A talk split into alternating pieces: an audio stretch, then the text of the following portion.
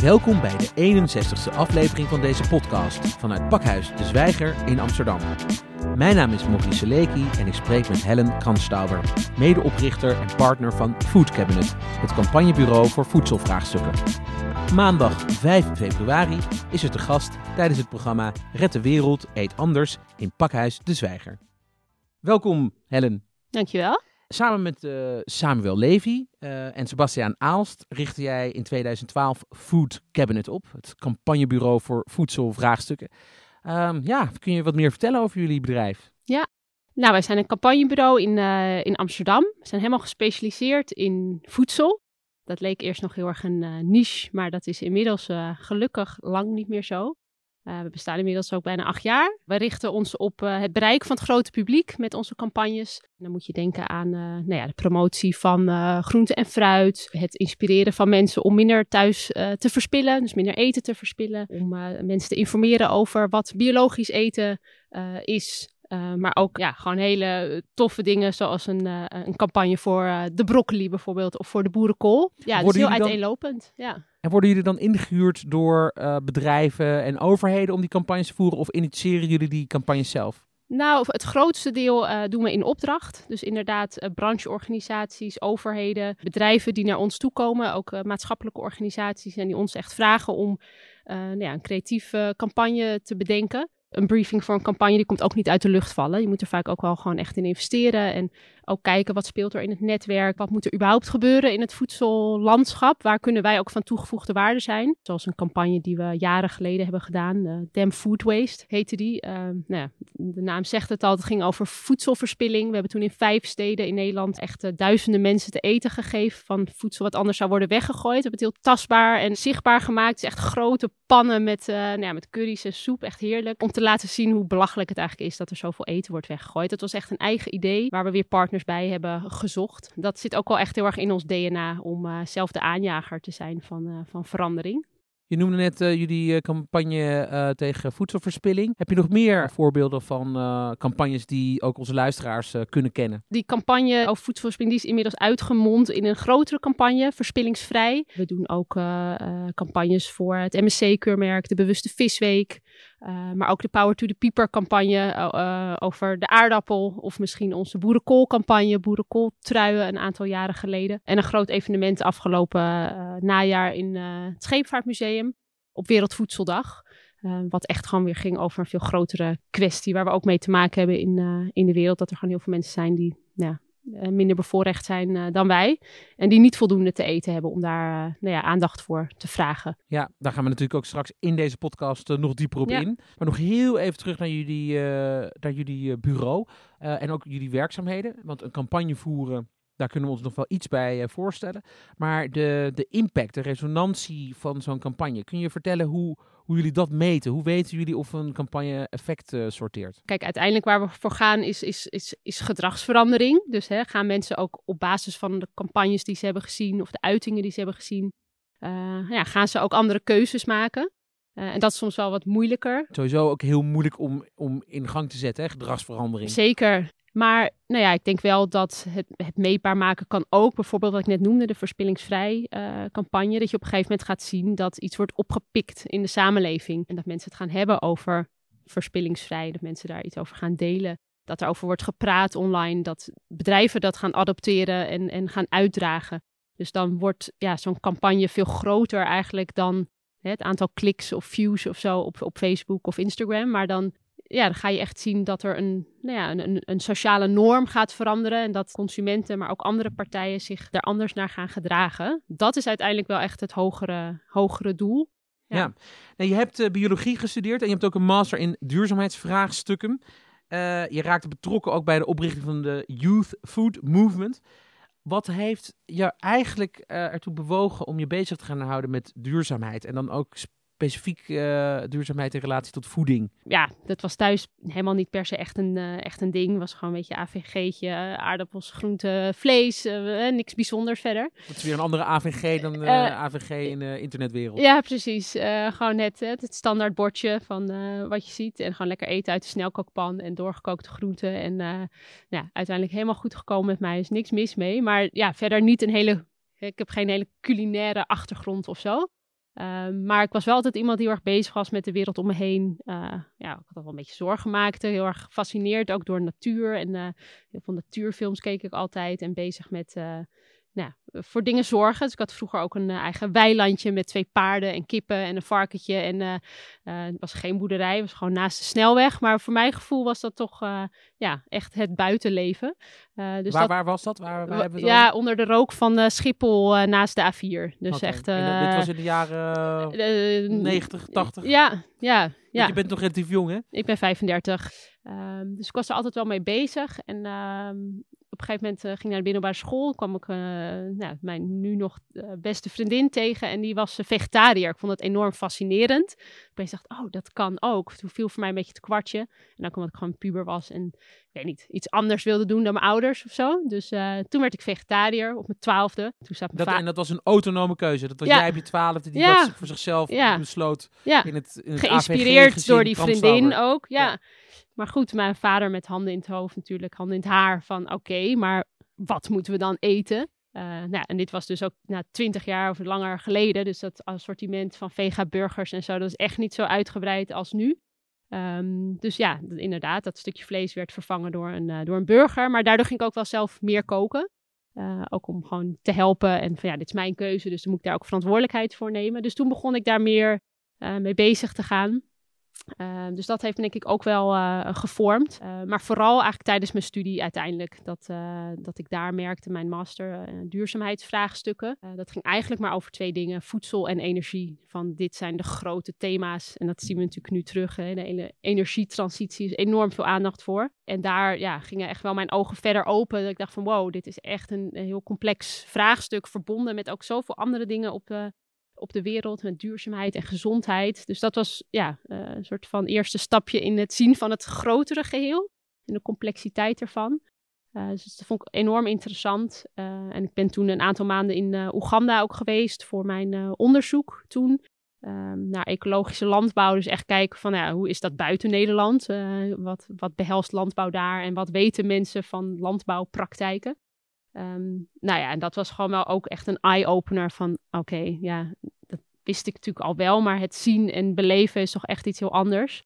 Um, dat het op heel veel plekken in de wereld gewoon, ja, echt niet zo goed is als hier in Nederland. En dat uh, het hebben van eten gewoon, ja, geen vanzelfsprekendheid is. En de hele industrie die wij hier hebben gebouwd, dat dat echt iets heel bijzonders is. Dat we gewoon elke dag, zonder ons daar zorgen over te maken, eh, eten uit het schap kunnen pakken. En dat is veilig en dat is uh, best wel betaalbaar en uh, um, nou ja, eh, gezond als je, als je daar je best voor doet. Um, maar dat was daar ja, zo anders en zo'n contrast. Ik dacht echt wel van wow, dit soort groot onrecht of zo. Dat gevoel van onrecht kwam toen ja, ook heel sterk naar boven. Um, en toen ik terugkwam in Nederland, toen begon Samuel, wat nu dan nog steeds mijn businesspartner is. Uh, Samuel Levy. Samuel Levy met de Youth Food Movement. En ik had net vier jaar gestudeerd en uh, ja, al die theorie, ik was er ook wel een beetje klaar mee. Ik had heel veel zin om dingen te gaan doen. Dus ik heb me daar heel snel aangesloten en toen, uh, toen is eigenlijk het hele balletje gaan rollen. En, Was je ineens acht jaar verder? Ja, ja, tien jaar inmiddels, want dat was in 2009. In een recent uh, rapport van het uh, gezaghebbende medische tijdschrift The Lancet staat dat we compleet anders moeten gaan eten, dus wij, de hele wereld, om de wereld leefbaar en gezond te houden. Ja. En anders gaat het compleet mis. Wat moet er precies gebeuren? Ja, dat rapport dat gaf eigenlijk antwoord op de vraag van nou, als we zo meteen in 2050 met 10 miljard mensen hier op de wereld zijn, hoe gaan we dat in vredesnaam doen? Wat gaat iedereen eten en waar komt dat vandaan? En hoe houden we dat ook volhoudbaar? Uh, want het zijn gewoon ontzettend veel monden om, uh, om te voeden. Um, en wat zij hebben geprobeerd, het is ook een rapport met uh, nou, echt enorm veel wetenschappers die daaraan hebben gewerkt, volgens mij meer dan 30, vanuit alle disciplines, dus zowel vanuit gezondheid als duurzaamheid, die hebben daaraan meegewerkt. En die kwamen ja, met een advies van dit is het dieet wat binnen de grenzen van onze planeet volhoudbaar zou zijn. Kijk, als we allemaal met elkaar zo gaan eten, dan komt het wel goed met de wereld. En ja, dat gaat dus over dingen als hè, minder vlees eten. Uh, echt flink veel minder vlees, geen rood vlees. Uh, minder kip, uh, minder vis. Dus eigenlijk minder gewoon dierlijke producten. Um, en meer groente en fruit, meer noten, meer vezels. Nou ja, en daarmee proberen ze eigenlijk een internationale standaard neer te zetten. Helen, eh, uit het rapport blijkt van de Lancet, dus uh, nogmaals, dat gezaghebbende uh, medische tijdschrift, hè, als het daarin staat, dan zal het wel waar zijn. uit dat rapport blijkt dat ongezond eten wereldwijd meer sterfgevallen veroorzaakt dan tabak, drugs, alcohol en onveilige seks samen. Ja. Waarom is ongezond eten zo ongezond? Nou, om te beginnen, als je om je heen kijkt, voedsel is overal. Gewoon in, onze hele omgeving, uh, op straat, in het straatbeeld, in, in supermarkten, op stations. Er is gewoon enorm aanbod van, van eten. En veel van dat eten is vaak ongezond. Dus daar is, of te veel vet of te veel suiker, vaak ook weinig voedingsvezels. Dus heel vaak wordt er dan gesproken over lege calorieën. Uh, en dat zijn eigenlijk ook goedkope processed foods. Dus met goedkope ingrediënten eigenlijk, zoals mais bijvoorbeeld, of, of graan, waar dan een product voor, van wordt gemaakt. Wat eigenlijk qua, als je kijkt van wat zit erin, misschien wel koolhydraten, maar als je kijkt echt naar nutriënten, is het heel, heel leeg. Uh, en daar zijn er gewoon steeds meer van gekomen. Daar zit, zetten bedrijven ook uh, flink op in. Daar kan je ook gewoon heel goed geld mee verdienen. Um, dus ja, dat aanbod is overweldigend. Um, maar er is ook enorm veel marketing voor dat soort ongezonde producten. Wat het probleem is bij ongezond eten, is dat het vaak ook goedkoper is dan gezond eten. En als je nu kijkt naar die andere middelen die we net hebben genoemd, tabak, drugs, alcohol, daar liggen bijvoorbeeld allemaal accijnzen op. Zou dat misschien een uh, een, een, een oplossing kunnen zijn. Ook dat, dat een overheid strengere eh, belasting zou gaan heffen op juist ongezond voedsel, zodat het duurder wordt en daarmee onaantrekkelijker wordt. Is dit een richting waar jullie ook aan denken? Ja, heel goed idee. Ik denk dat de overheid daar gewoon echt nog een veel grotere rol kan pakken. Maar dat is in de politiek gewoon een heel moeilijk vraagstuk. Omdat voedsel echt wel wordt gezien als iets ja, wat je zelf beslist. Zo is dat debat ook heel erg geframed. Van hè, als je, als je uh, overgewicht hebt of niet gezond eet, dat is dan je eigen schuld. Weet je, dus weer, wordt heel erg geframed als een individueel probleem. Van nou, dan hè, kan je misschien jezelf niet in, in bedwang houden of zo. Terwijl nou, wat we net bespraken, als je kijkt naar de voedselomgeving, uh, wat dat voor gedrag uitlokt, dan kan je het ook bekijken als van hé, hey, uh, is dit niet een veel groter probleem wat we gezamenlijk moeten gaan aanpakken? En dan kan een overheid inderdaad met een suikertax, kan daar misschien een oplossing uh, in bieden. En er wordt echt ook al mee geëxperimenteerd in andere landen. In, in Londen hebben ze nu een, uh, een suikertax. Uh, en afgelopen jaar hebben ook drie wethouders opgeroepen tot een suikertax in Nederland van drie grote steden, dus Amsterdam, Rotterdam en Utrecht, als ik me niet vergis. Dus er gebeurt ook echt wel iets op dat vlak, dat daar bewustwording komt binnen steden en binnen, binnen de politiek van hé, hey, wij hebben hier echt een rol te vervullen en we moeten onze verantwoordelijkheid ook nemen dat, dat, dat, die ongezonde voeding is dus zoveel goedkoper. Dat is in ieder geval in Amerika zo, maar ook in Nederland is dat zo. Hoe kunnen we die prijsverschillen dan toch aanpakken als we, laten we zeggen, die goedkope voeding niet kunnen accijnzen? Hmm. Kunnen we dan die gezonde voeding goedkoper krijgen? Ja. ja, daar wordt wel veel voor gepleit, ook in Nederland. Inderdaad voor de verlaging van BTW op groente en fruit, om dat naar bijvoorbeeld 0% te brengen. Om daarmee nou ja, een verschil te maken inderdaad in die... Uh, in die verschillen die er zijn tussen eh, gezond en ongezond eten. Dus dat zou misschien een, uh, een oplossing zijn, zijn daarvoor. Daarnaast heeft het ook wel te maken, we hebben in Nederland ja, gewoon echt wel een flinke, ja, ook gewoon groente- en fruitindustrie. Het aanbod is gewoon echt best wel groot. En ook nog best wel voor goede prijzen volgens mij bereikbaar. Maar het aanbod volgens mij van ongezond eten is groter. Het is makkelijker. Voor gezond eten moet je ook meer moeite doen. Dat vind je niet als je door het station loopt. En daarnaast kost bereiding van gezond eten, dus uh, bereiding van bepaalde groenten en fruit, in ieder geval ook mijn ervaring, kost ook meer moeite. Knolselderij, nou, die zie ik soms liggen voor 50 cent. Een hele lekkere groente, maar zit je wel met zo'n knol waar dan nog de aarde op zit. En uh, hè, wat ga je daar in vredesnaam mee doen om dat lekker te krijgen en om je gezin eh, aan de knolselderij te krijgen? Dus die drempel is soms ook wat groter voor mensen. En dan is het dus makkelijker om te kiezen voor ja, misschien ongezonder, een, een, een processed alternatief, dan dat je kiest voor een onbewerkte groente, waar je misschien nog ja, toch wel het een en ander aan handelingen nog mee moet verrichten. Daar is denk ik ook nog wel gewoon veel werk in te doen. En dat proberen we ook met, met Food Cabinet om te laten zien dat, uh, nou ja, bezig zijn met eten, dat dat leuk is. En koken en nou ja, gewoon een beetje de voedselvaardigheden of zo van Nederland proberen op te, op te krikken. Want ja, heel veel krijgen we daar ook, to be honest, ook niet uh, over mee. Ik weet niet of jij op school of op de basisschool of de middelbare school iets van voedselonderwijs of kooklessen, of dat dat überhaupt aanwezig was in jouw Nou, ik, ik moet eerlijk zeggen dat eh, mijn eh, broertje wat beter eh, toegerust is op dat vlak. Maar die heeft zich wel een soort van autodidact tot een Ja. culinair meester Ja, ontpopt. Ik ben zelf niet zo'n ster in die keuken. Ehm, maar goed, heel even naar die impact van voedsel op ons klimaat. Want dat, dat, die hebben we ook nog. De voedselindustrie en voornamelijk de vlees- en zuivelindustrie Ja. eh, wordt wel eens de grootste vervuiler genoemd als het gaat om CO2-uitstoot. We zitten nu in 2020, er zijn klimaatdoelstellingen, 2030, Parijsakkoord. Ja. Eh, hoe vervuilend is de voedselindustrie? Er valt er nog wat eh, te winnen. Ja, ik las vorig jaar het boek Drawdown. Het ging over van wat zijn eigenlijk nu de meest effectieve maatregelen om te nemen om eh, klimaatverandering tegen te gaan, CO2-uitstoot. En het opvallende was in die top 10, daar stonden nou, echt gewoon een aantal eh, oplossingen die direct met voedsel te maken hebben. Dus tegengaan van verspilling. Omdat al dat eten wat we produceren, water gaat daarin, er gaat energie in, het transport, eh, nou ja, van alles komt daarbij kijken. En vervolgens wordt het weggegooid. Dus dat is gewoon een enorme bijdrage aan de uitstoot van, van CO2. Ja, gewoon het eten van minder vlees. Eh, en het is echt niet dat iedereen meteen helemaal geen vlees meer mag eten.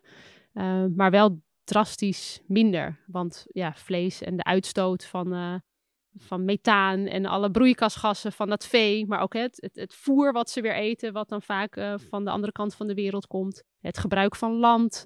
ja, het heeft allemaal enorme impact op klimaat. Dus daar is gewoon heel veel winst te halen. En daarvoor moet ook gewoon nog wel ja, heel veel gebeuren. Als je ziet dat we eigenlijk niet minder vlees aan gaan eten met z'n allen. Vorig jaar zelfs weer ietsje meer dan de jaren ervoor. Dus dat stemt dan weer niet heel positief. Eet jij nog vlees? Ik eet nog minimaal vlees. Ja, Ja, want je- oh ja, ja. je vertelde dat je op je twaalfde ja, vegetariër was Ja. geworden. ja. En eh, nu dus minimaal vlees, maar nu wel een beetje. Dus Ja. wat is er gebeurd eigenlijk in de tussentijd?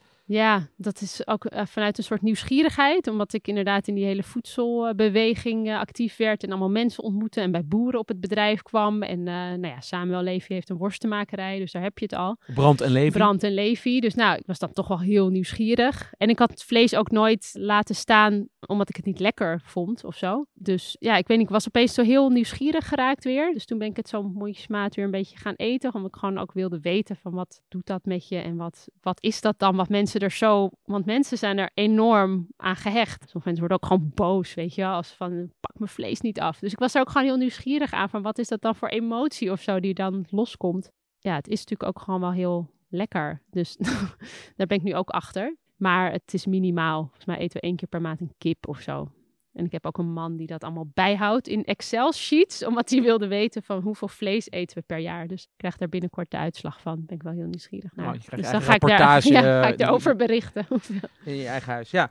Eh, mooi om te weten hoe dat dan eh, gaat. En dat het dus ook, ik bedoel, zelfs voor iemand die zoveel met voedsel en voedselvraagstukken bezig is, dat het dus ook complex blijkt. Eh, dat, dat, dat, dat is dus ook gewoon zo, hè? die Ja. gedragsverandering, ook in je eigen leven. Er is wel meer aandacht gekomen voor gezonde voeding. Maar nog steeds is er een meerderheid eh, van mensen die zich niet interesseren ervoor. Wat is jouw perspectief hierop? Ja, nee, dat zie ik ook. Je zit natuurlijk ook lekker in je eigen bubbel, voedselbubbel. En dan heb je het gevoel van, nou, iedereen is met eten bezig. Maar dat is natuurlijk niet zo.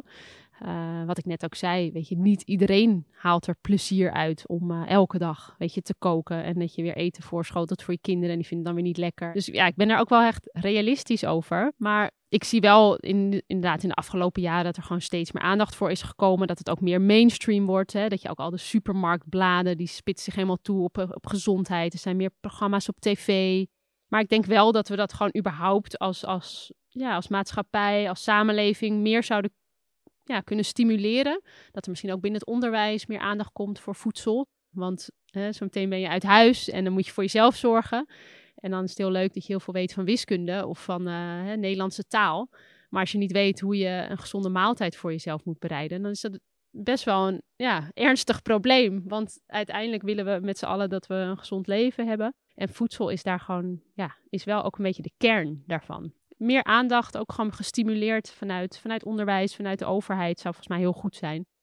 Is er nog een opdracht van een opdrachtgever waar jullie met Food Cabinet nog op zitten te wachten? Zeg maar de, de mother of all campaigns. Nou ja, we zijn nu net een verkenning aan het doen voor die suikertax, dus waar we het net over hadden. Dus dat is voor ons wel, eh, ja, echt iets waar we heel graag mee aan de slag zouden willen. Om in ieder geval te kijken van hoe kunnen we bewustwording creëren over ja, waar, de ongezonde voedselomgeving. Of over, hè, over, de, ja, over al die ongezonde producten um, die ons beïnvloeden.